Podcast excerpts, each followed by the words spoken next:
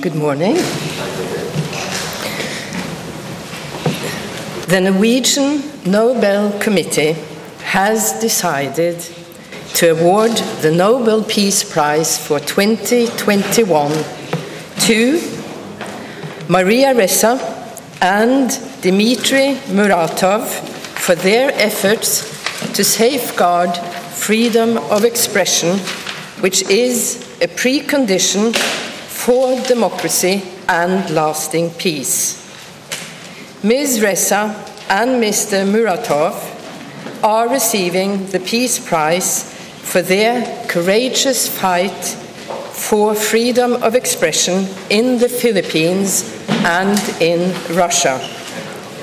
At the same time, they are representatives of all journalists who stand up for this ideal in a world in which democracy and freedom of the press face increasingly adverse conditions. Maria Ressa uses freedom of expression to expose abuse of power, use of violence, and growing authoritarianism in her native country, the Philippines. In 2012, she co founded Rappler, a digital media company for investigative journalism, which she still heads. As a journalist and Rappler's CEO, Ressa has shown herself to be a fearless defender of freedom of expression. Rappler has focused critical attention to the Duterte regime's controversial... Ja, det här, då säger vi välkommen till lyssnarna i Ylevega här där vi sänder alltså direkt eh, med anledning av eh, tillkännagivandet av Nobels fredspris från Oslo idag. Mitt namn är Stefan Winniger och vi ska diskutera det här påslaget efter 12 ordinarie tid också här tillsammans med utrikesredaktörerna Song Hakra, välkommen. Det är Josefin Flemmich, välkommen du också.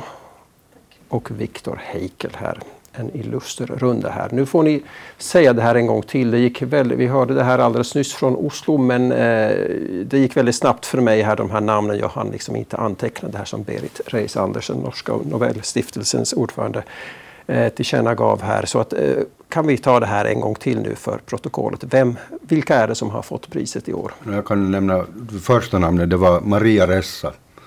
Hon är en mycket känd, känd journalist. Hon är känd världen över. Hon, hon är chefredaktör för en nättidning som heter Rappler, som har varit mycket kritisk mot uh, president Duterte i Filippinerna. Hon, hon har till och med, han har till och med hotat ta livet av henne flera gånger för att hon har fört fram de här uh, avrättningarna och, och, och, av, av, av misstänkta drog, droghandlare och som, som har lett till hundratals uh, utomrättsliga avrättningar i Filippinerna. Hon är också känd som en, för, sin starka, för sina starka insatser mot korruption som plågar, som plågar Filippinerna. Och Dimitri Muratov kanske? Yes, uh, han är alltså chefredaktör, uh, också då journalist, uh, rysk sådan. han är chefredaktör för den ryska tidningen Novaja Gazeta, som han också har varit med och grundat tillsammans med ett 50-tal kollegor. Novaja Gazeta är ju en av de här få så att säga obundna tidningarna och, och som fortfarande liksom försöker verka i, på ett fritt och, och så att säga journalistiskt så trovärdigt sätt i ett, i ett eh, klimat där sån journalistik alltmera är under hot och där vi vet att journalister i Ryssland lever farligt, speciellt de som, som är kritiska mot, mot makten och mot ekonomiska intressen som, som ofta sammanfaller med statens liksom ledande ledande röster. Ja, vi ska komma ihåg att det här sker på, alltså den här veckan är det 15 år sedan Anna Politkovskaja mördades i Moskva.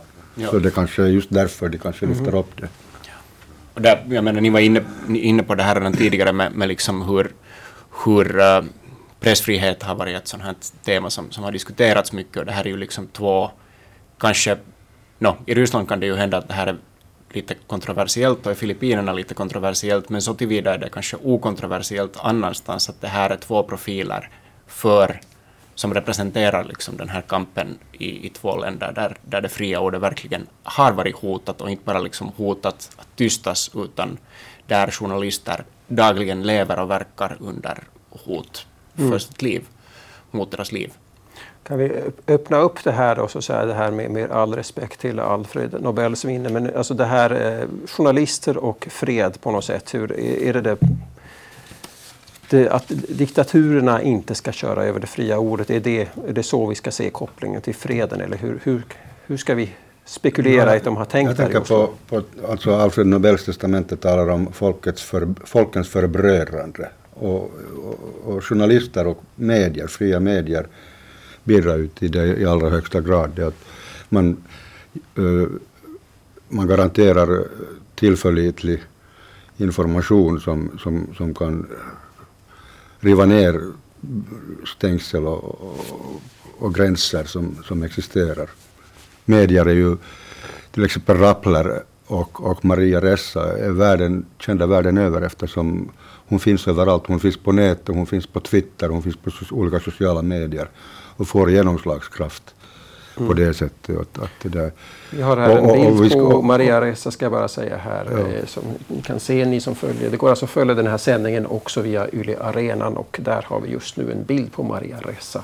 Från Filippinerna alltså i bild här som tillsammans med Dmitrij Muratov är alltså årets vinnare av Nobels fredspris. Det är en milstolpe på det sättet att vad jag vet så är, har inga journalister tidigare eh, tilldelats fredspriset just på grund av att de har eh, garanterat fri, tillförlitlig mm. Eh, information just för sin roll som journalister.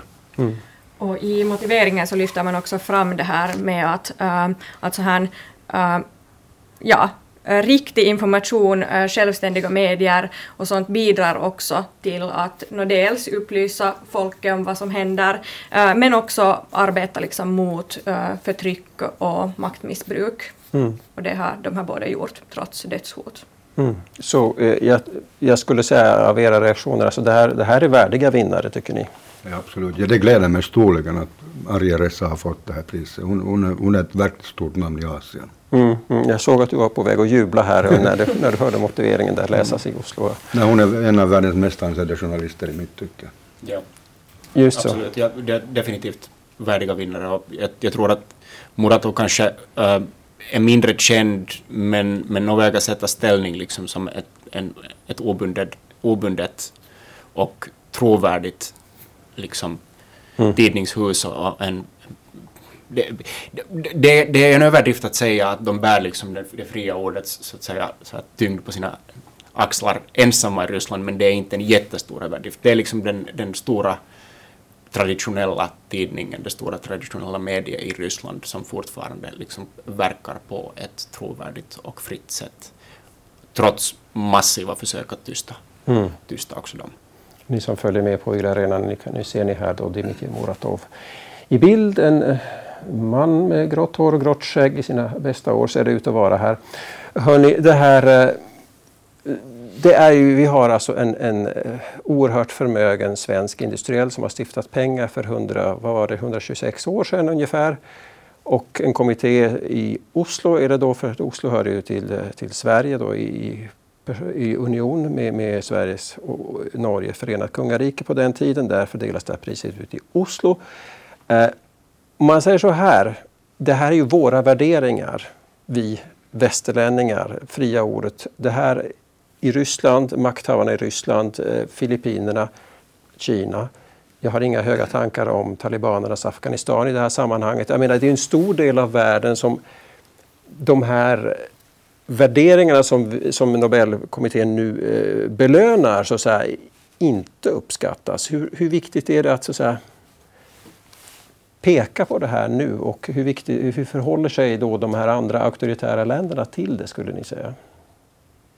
Alltså det här, jag skulle säga så här att Nobelkommittén ofta vill uppmuntra och föra fram saker. Och det här tycker jag låter som en uppmuntran och, en, eh, och, och, ett, och ett, liksom en uppmaning till kamp mot falska medier och för tillförlitlig och objektiv information. Mm. Att det, här är, det är så att säga ett aktivistiskt, äh, aktivistiska namn de här som, som man vill uppmuntra och man vill att, att de ska stå som modell för resten av världen. Sen är det ju två olika saker, att man, man kan tänka sig att styren som inte kanske anammar då det fria ordet och, och de folk som de styr över inte kanske nödvändigtvis har samma åsikt eller, eller så att säga står på samma linje i, de här frågorna. Det är säkert så att det kommer att komma en, en motreaktion uh, mot båda namnen i Ryssland och i Filippinerna och det kommer att, att kallas uh, för någon slags liksom västerländsk uh, så här skenhelighet eller dubbelmoral eller vad man nu sen vill kalla det. Um, men, men faktum är ändå det att det, liksom, det är klart att stater som styrs som mer eller mindre diktaturer uh, eller åtminstone med mycket, mycket hårda auktoritära händer kommer att reagera mot att man premierar de som fortfarande försöker stå upp mm. för det fria ordet som ofta används för att kritisera dem. Mm. Att det är liksom inte det, det, är att vänta sig att det kommer någon reaktion, men jag misstänker nog ändå att den här reaktionen kommer att ganska långt begränsa sig till, äh, till så att säga maktens korridorer. Att det inte kanske blir någon sån där desto större folklig Inga spontana upplopp menar du? Nej, Nej jag tror inte. Det, kan man ju säga om Maria, Maria Ressa bara att, ja. att uh, hon så att säga går nu segrande ur striden. Hon har varit känd som en av Dutertes, president Dutertes eh, främsta kritiker i Filippinerna. Han kommer att avgå, han kan inte ställa upp i presidentvalet nästa år. Och det fanns ett läge där man befarade att, att de här mördarskvadronerna som, som det där eh, Duterte har mobiliserat, att de skulle ta livet av Maria Ressa, men, men, men hon ser ut att få Nobelpriset medan Duterte kommer att försvinna i historiens skuggor snart. Så att det där. Mm. Hon, hon, kom segrande ur den striden den här gången. Vi hoppas på det bästa. Josefin Flemming, du följer här för vår räkning lite också med i, i reaktioner på den här prisutdelningen. Vad, vad, vad, har, har du hunnit se någonting redan? Ja, någonting. Alltså det är glada reaktioner på många håll. Uh, framförallt verkar flera journalister glädjas för det här och tycka att det här också är på något sätt, uh, ja, det här priset också är för alla de journalister som har dödats. Uh, när de helt enkelt har utövat sitt yrke. Uh, Maria Ressa som annars är ganska aktiv på Twitter uh, är fortfarande tyst. Så vi har inte hört någon kommentar där i varje fall ännu. Just så. Hon har säkert uh, skakat och både skakat och rörd vid det här laget och måste först hitta inloggningen bara av den anledningen. Men hörni, det här, ja.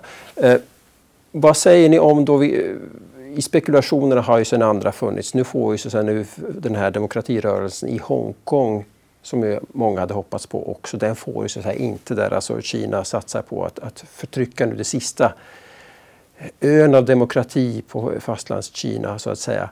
Eh, är de här eh, icke bortglömda när man nu eh, belönar det fria ordet eller är det så här ett bakslag för är de inte sedda nu här i Hongkong eller vad tror ni? Men till exempel om du talar om Nathan Law, så han är, lite, är inte, han är inte så aktuellt nu längre. Han lever i landsflykt i London. Mm.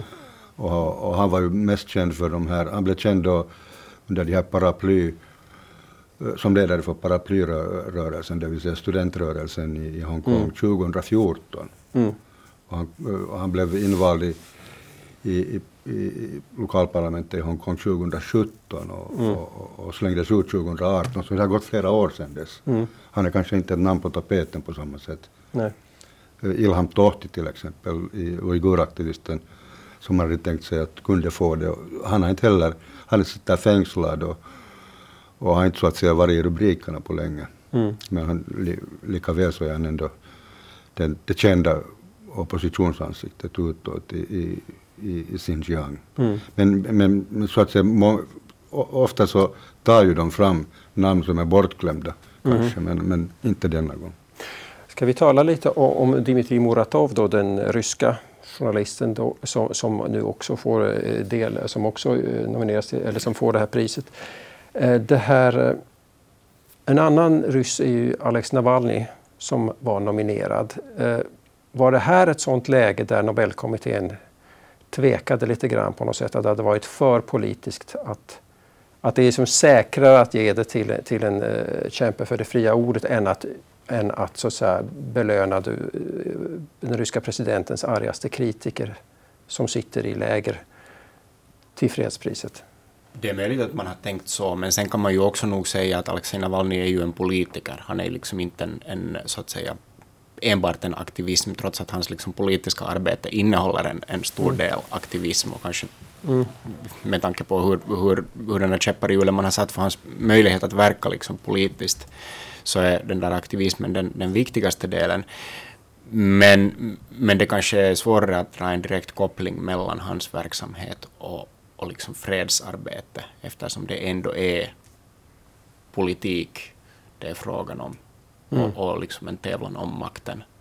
Uh, sen finns det ju också, jag menar, det, man, man lyfter ofta upp honom som en slags sån här liksom demokratiförkämpe, det, det är han säkert, men sen samtidigt så är han också en, en nationalist och, och liksom inte på många sätt alls mjukare än, än, äh, än vad den liksom kanske styrande eliten i Ryssland idag är i många frågor när det gäller utlandet och, och Rysslands ställning i världen och så vidare. Att det, jag, jag, tror att han av många orsaker och inte bara för att han är liksom en nagel i ögat på, på Putin-regimen skulle ha varit en mer kontroversiell pristagare än, än vad mm. Muratov är.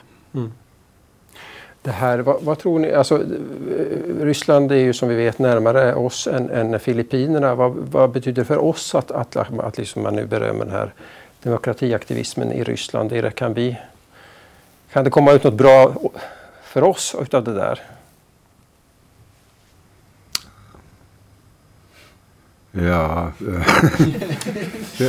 Finlandskopplingen är väl den att när ryska journalister flyr ut ur landet så kommer de först till Finland. Men att det, det ofta, ofta händer. Så, men, jag, men jag tror ju inte att det har så hemskt stora långtgående följder för Finland. Mm. Säg att det. Nej, jag har också svårt att se någon direkt, direkt koppling mm. där. Samma här. Mm. Det här. Och så blev det ju då inte Greta Thunberg som fick priset. Det är som kanske är den mest kända namnet eh, av de nominerade här för den breda allmänheten. För ingen har väl... Hon är väl tillsammans med Jesus och Kalle Anka de mest kända människorna på planeten just nu. Bland dem i alla fall i den gruppen ungefär. Eh, vad jag frågade här tidigare här om, om spekulationer. Josefin Flemmich, du, du sa att du hoppades eller trodde på Greta Thunberg eller klimataktivism. Nu blir det inte det här. Vad betyder det att, att man nu ändå blickar på mer traditionella fredsvärderingar som, som, som eh, demokrati, fri, fria ordet och så vidare? Det här är ju inte traditionellt på något sätt utan det är så första gången som ja. journalister får priset så det är ju banbrytande på det sättet. På det sättet ja. ja. Och framförallt det att som vi konstaterar så är det också ganska kontroversiellt att lyfta fram bara Greta Thunberg som en, en mm. liksom, uh, ja, galjonsfigur för klimatrörelsen. Um, så att mm. jag tror man helt enkelt bara valde att gå en, en annan väg och uppmärksamma klimatet en annan gång. Mm. Ja, där också så kanske skulle jag personligen, om jag skulle sitta i kommittén och välja att försöka lyfta fram det här klimatarbetet, så skulle jag då lyfta fram någon grupp, organisation, människor, aktivister uh, som, som jobbar med de här anpassnings uh, åtgärderna, där man faktiskt då liksom, om, om kopplingen mellan klimatförändringen och konflikter det är att till exempel ett förändrat klimat leder till större kamp om resurser eller brister på resurser och leder till olika liksom, konflikter den vägen, så är de här anpassningsåtgärderna det som liksom förhindrar den här konflikten från att, att bryta ut eller åtminstone förhindrar eller, eller dämpar de effekterna mm. som sen i förlängningen leder till. Så då skulle jag kanske inte välja, om jag skulle sitta i kommittén, att, att ge priset åt en Greta Thunberg eller liknande, utan då snarare någon slags anpassningsarbete. Mm. Har vi sett några fler reaktioner, Josefin Flemming? Vi ser att åtminstone uh, Alexej Navalnys uh, team på sociala medier gläds över den här nyheten och delar, delar vad heter det, nyheten om priset. Um, och uh, sen finns det också en del som lyfter fram frågan om journalistkåren nu ska kunna på något sätt rapportera äh, bra om det här priset eftersom det går till den egna yrkeskåren. Alltså det vill säga att, att eh, eftersom eftersom ni är journalister också här, mycket nöjda med att journalister som belönas, att det skulle vara komprometterande. Vad, vad tror ni? Vad säger ni? Till vårt försvar så kan jag nog också säga att det finns få andra grupper som är så elaka med varandra, liksom yrkeskårer som journalister kan vara med varandra, så att jag misstänker att det kanske inte är är ett så stort problem att vi inte skulle kunna hålla, hålla oss sakliga och, och så här när det gäller det här. Sen tycker jag ju att man måste påpeka också det att största delen av de journalister som är så att säga hotade på riktigt och som arbetar och gör det här jobbet under farliga förhållanden gör det utanför västvärlden och mm. de gör det uh, ofta för mycket lite tack när det gäller liksom så här uh, klapp på ryggen och, och pengar. Uh, så därför tycker jag också att det är bra att man lyfter upp journalistiskt arbete just i sådana här förhållanden. Att det, är liksom inte, det är inte så att vi står här i väst, journalistkåren i väst och dunkar varandra i, i ryggen och, och gratulerar varandra, utan det här är liksom yrkeskårens representanter som jobbar under mycket, mycket svåra och farliga förhållanden där det i praktiken gäller att upprätthålla de där liksom, en av demokratins sista grundvalar ofta i de här länderna. Mm. Ja, jag håller helt med dig. Jag tycker det är en mycket större fråga än, än så. Det handlar inte om hur vi ska kunna rapportera objektivt om två pristagare utan att lyfta fram just som, som jag tidigare nämnde också journalister som har dödats i yrket. Mm. Vi var lite inne eh, på det här för en stund sedan redan. Det här, alltså, vad tror ni, hur påverkas de här nu, de här pristagarna, Maria Reza och Dmitrij Muratov, eh, alltså personligen av det här? Eh, förändras deras situation av att de nu är Nobelpristagare? Det ser ju fint ut på vilket visitkort som helst. Så vad, vad tror ni? Det beror kanske också på hur makthavarna i deras länder reagerar. Mm. Jag vet att jag tror knappast att expert Duterte i Filippinerna är glad över att Maria Ressa har fått priset eller eller att makthavarna i Kreml är särskilt glada över att Muratov har fått priset. Men, men, men deras jag menar, namn och anseende kommer ju att, att stärkas världen över. Och vad gäller till exempel Maria Ressa så vet jag att hon har varit mordhotad och, och, och det har funnits, man har befarat för hennes liv men att, att med så att säga Nobel med ett Nobelpris bakom sig så, så kan hon kanske känna sig lite mer trygg. Mm. För Muratovs del vet jag inte om detsamma gäller med tanke på att Anna Politkovskaja också var i särklass den mest kända ryska journalisten då när hon mördades uh, internationellt och säkert också inom Ryssland, liksom en av de där stora profilerna. Um, men jag vet inte om Muratov själv har haft på samma sätt en måltavla på sig som, som Politkovskaja hade. Um, så det är svårt att säga hur det skulle påverka hans sits. Mm. Eller svaret är kanske sådär snarare att jag vet inte. Jag kan inte säga på rak arm hur det skulle påverka. Mm. Och det, jag, jag, jag, mina tankar de far nu bara iväg så här liksom blir han ännu mer en måltavla kanske genom att vara den här eftersom då man inte drog sig för att skjuta andra mycket, mycket kända journalister i Ryssland så, så är det här kanske nu nu han blir ju själv säkert tvungen att höja profilen för att han kommer att få mycket frågor om pressfrihet i Ryssland. Han kommer att uh, ombed, han, han, blir ombedd att tolka situationen och att, att analysera uh, situationen, läget för yttrandefrihet och pressfrihet i Ryssland. Mm. Och, och, om och när han gör det så kommer han säkert att, att säga saker som inte, som inte är trevliga för de makthavarna att höra.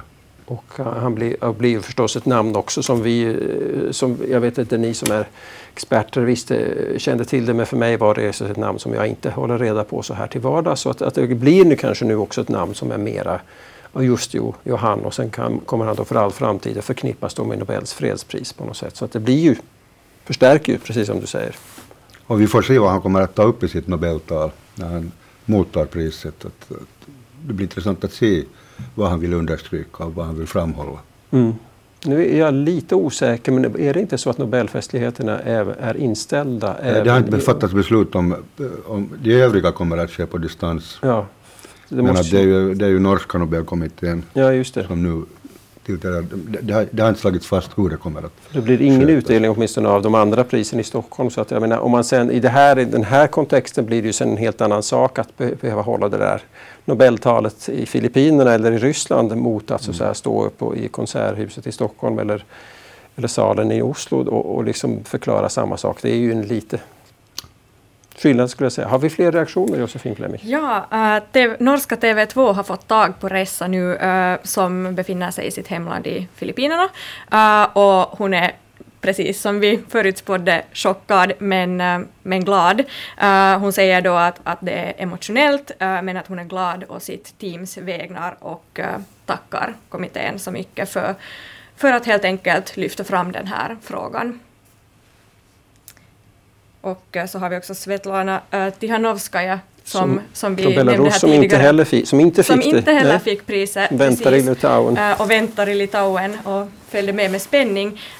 Hon gratulerar också de här journalisterna och lyfter fram yttrandefriheten som en av demokratins grundpelare. Mm. Så att jag tror att det, det är kanske det samlade budskapet åtminstone hittills som och yttrandefriheten i Belarus eh, tillhör också de saker som jag inte har alltför höga tankar om. För det, det är ju befogat att tala om det i allra högsta grad även i Belarus. Absolut. Det är ju det där, där staten nyligen äh, med, med liksom svepskäl om bombhot tvingade ner ett passagerarplan i Minsk för att kunna gripa en, en oppositionell äh, journalist. Så att det är ju liksom inte heller heller så att säga ett mönsterland mm. när det gäller den frågan. Och jag tror att det också, Tihanovskaja har säkert äh, hon, hon, hon, skulle säga, ja, ur hennes perspektiv är det här säkert också en, en fråga hon gärna ser att premieras. Mm.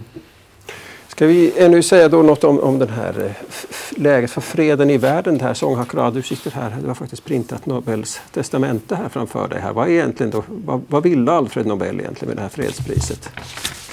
Om jag ska hitta det. det var något med förbrödring och så vidare. Alltså, har, han, han, han, lag ju, han beskrev ju prismotiveringen i en och en halv mening ungefär. Mm som kan tolkas och har tolkats genom åren av Nobelkommittén på ett mycket flexibelt sätt som sagt. Att, mm, alltså han, då talar han alltså om folkens förbrödrande och avskaffande eller minskning av stående arméer plus att medverkan till att organisera fredskonferenser. Det vill säga, man kan tolka det här mycket vitt och brett. Mm. Det här, så att, och det hade jag också, tycker jag, gjort i det här fallet mm. i år. Jag menar, om man jämför två journalister i, i, i auktoritära länder som får priset i år med livsmedelsprogrammet som fick i fjol, så det är ju inte mycket, det finns inte någon gemensam nämnare precis. Nej, nej. Jag tänkte nu fara efter det här med de här alltså stående arméer. Det önskade han då slutet av 1800-talet och nu är det 2021 så att vi är ju inte där ännu på något sätt det här, vad ska ni säga? Alltså freden i världen, läget är ju alla som läser tidningar vet ju att, att det inte riktigt är riktigt så väl beställt med den saken alla gånger. Eller om vi nu ställer här idag när vi talar om fred så att säga med anledning av Nobels fredspris på något sätt. Va? Man kan ju säga att alltså då när Dennis Mukwege, Mukwege fick priset så då var det ju på grund av vapen, det vill säga att mot, han, han, han, han är en aktivist som kämpar mot bruk av sexuellt våld som vapen. Så att man kunde se det som ett så att säga nedrustningspris. Mm ofta är det antingen fred, fredsmäcklande eller nedrustning eller, eller mm. ja. som, som belönas. Så att det är inte... Det jag misstänker ju alltså att vi talade här tidigare om, om att det ganska fattigt med sådana här traditionella fredsprocesser nu för tiden och konflikterna ser också annorlunda ut. Det är när, när en stor del av konflikterna antingen är liksom någon slags uh, inbördeskrig eller etniska konflikter eller, eller terrororganisationer eller allt möjligt sånt här, eh, så är det ju liksom svårt att ha en regelrätt fredsprocess. Så jag tror att vi kommer att se flera av den här typens pristagare som just som, som Denis Mukwege och Nadia Murad uh, eller nu då Ressa och, och Muratov. Um, mm. Helt enkelt för att det här liksom arbetet för fred ser annorlunda ut också. Och då, då, måste man ju kunna tolka också mer kreativt de här, de här Alfred Nobels ord. Mm. Um, men sen är det ju frågan den att, att hur, liksom, hur kreativ kan man sen bli? Vad, vad räknas som fredsarbete? Därför har jag lite svårt att se klimat som, en, som en, ett fredstema. Jag menar, jag tycker, det är givetvis jätteviktigt som du säger att, att om, om klimat, klimatet försämras så, så är det upphov till konflikter och massflykt och, och oroligheter. Men, men ändå att liksom ge fredspriset till en person som Greta Thunberg. På något sätt så, så låter det inte bra i mina öron. Men att det, det är nog min, jag menar, om, om man ska tolka mm. fredspriset så som jag tolkar det. Mm. Ändå har det ju hetat att framtidens krig kommer att vara klimatstyrda i den bemärkelsen att man alltså krigar till exempel om vatten. Det heter att Israels expansion planer och bosättningar är ett sätt att, så att lägga vantarna på, på, på vattenreserver där i Palestina helt mm. enkelt och så vidare. Så att det, på så sätt mm. finns ju den kopplingen. Ja, den konflikten, det, det ger upphov till konflikter ja. och att arbetet... Ja, den där, den där raka linjen från var, liksom, att jobba för klimatfrågor till liksom, den konkreta fredsgärningen är kanske det som har varit det svåra att dra. Uh, eller är, är svårare att dra Mm. Här, här kan man ju liksom se att demokrati främjar fred och den fria pressen är liksom en av demokratins grundvalar. Utan en, en fri, mångsidig press har vi inte en fungerande demokrati. Och avsaknaden av demokrati leder till auktoritet, eller auktoritära styren, diktaturer. Och det leder i sin tur till, till konflikter, antingen interna eller externa konflikter. Just det. Josefin Flemmich, hur ser reaktionsfronten ut här? Har... Ännu har vi inte hört någonting av uh, Muratov själv, men uh, Nyss rapporterar till exempel nyhetsbyrån Reuters om att Kreml nu har gratulerat den här ryska journalisten. Han är ju rysk, så att de är mycket medvetna om vart priset har gått. Just det. Men han själv har åtminstone hittills varit tyst. Just så. Det är det, vad ska vi säga, det hedrar väl Kreml att de åtminstone har den anständigheten här att, att, att, eh, att se till den här, att det är en av, en av de våra som får ett fint pris här.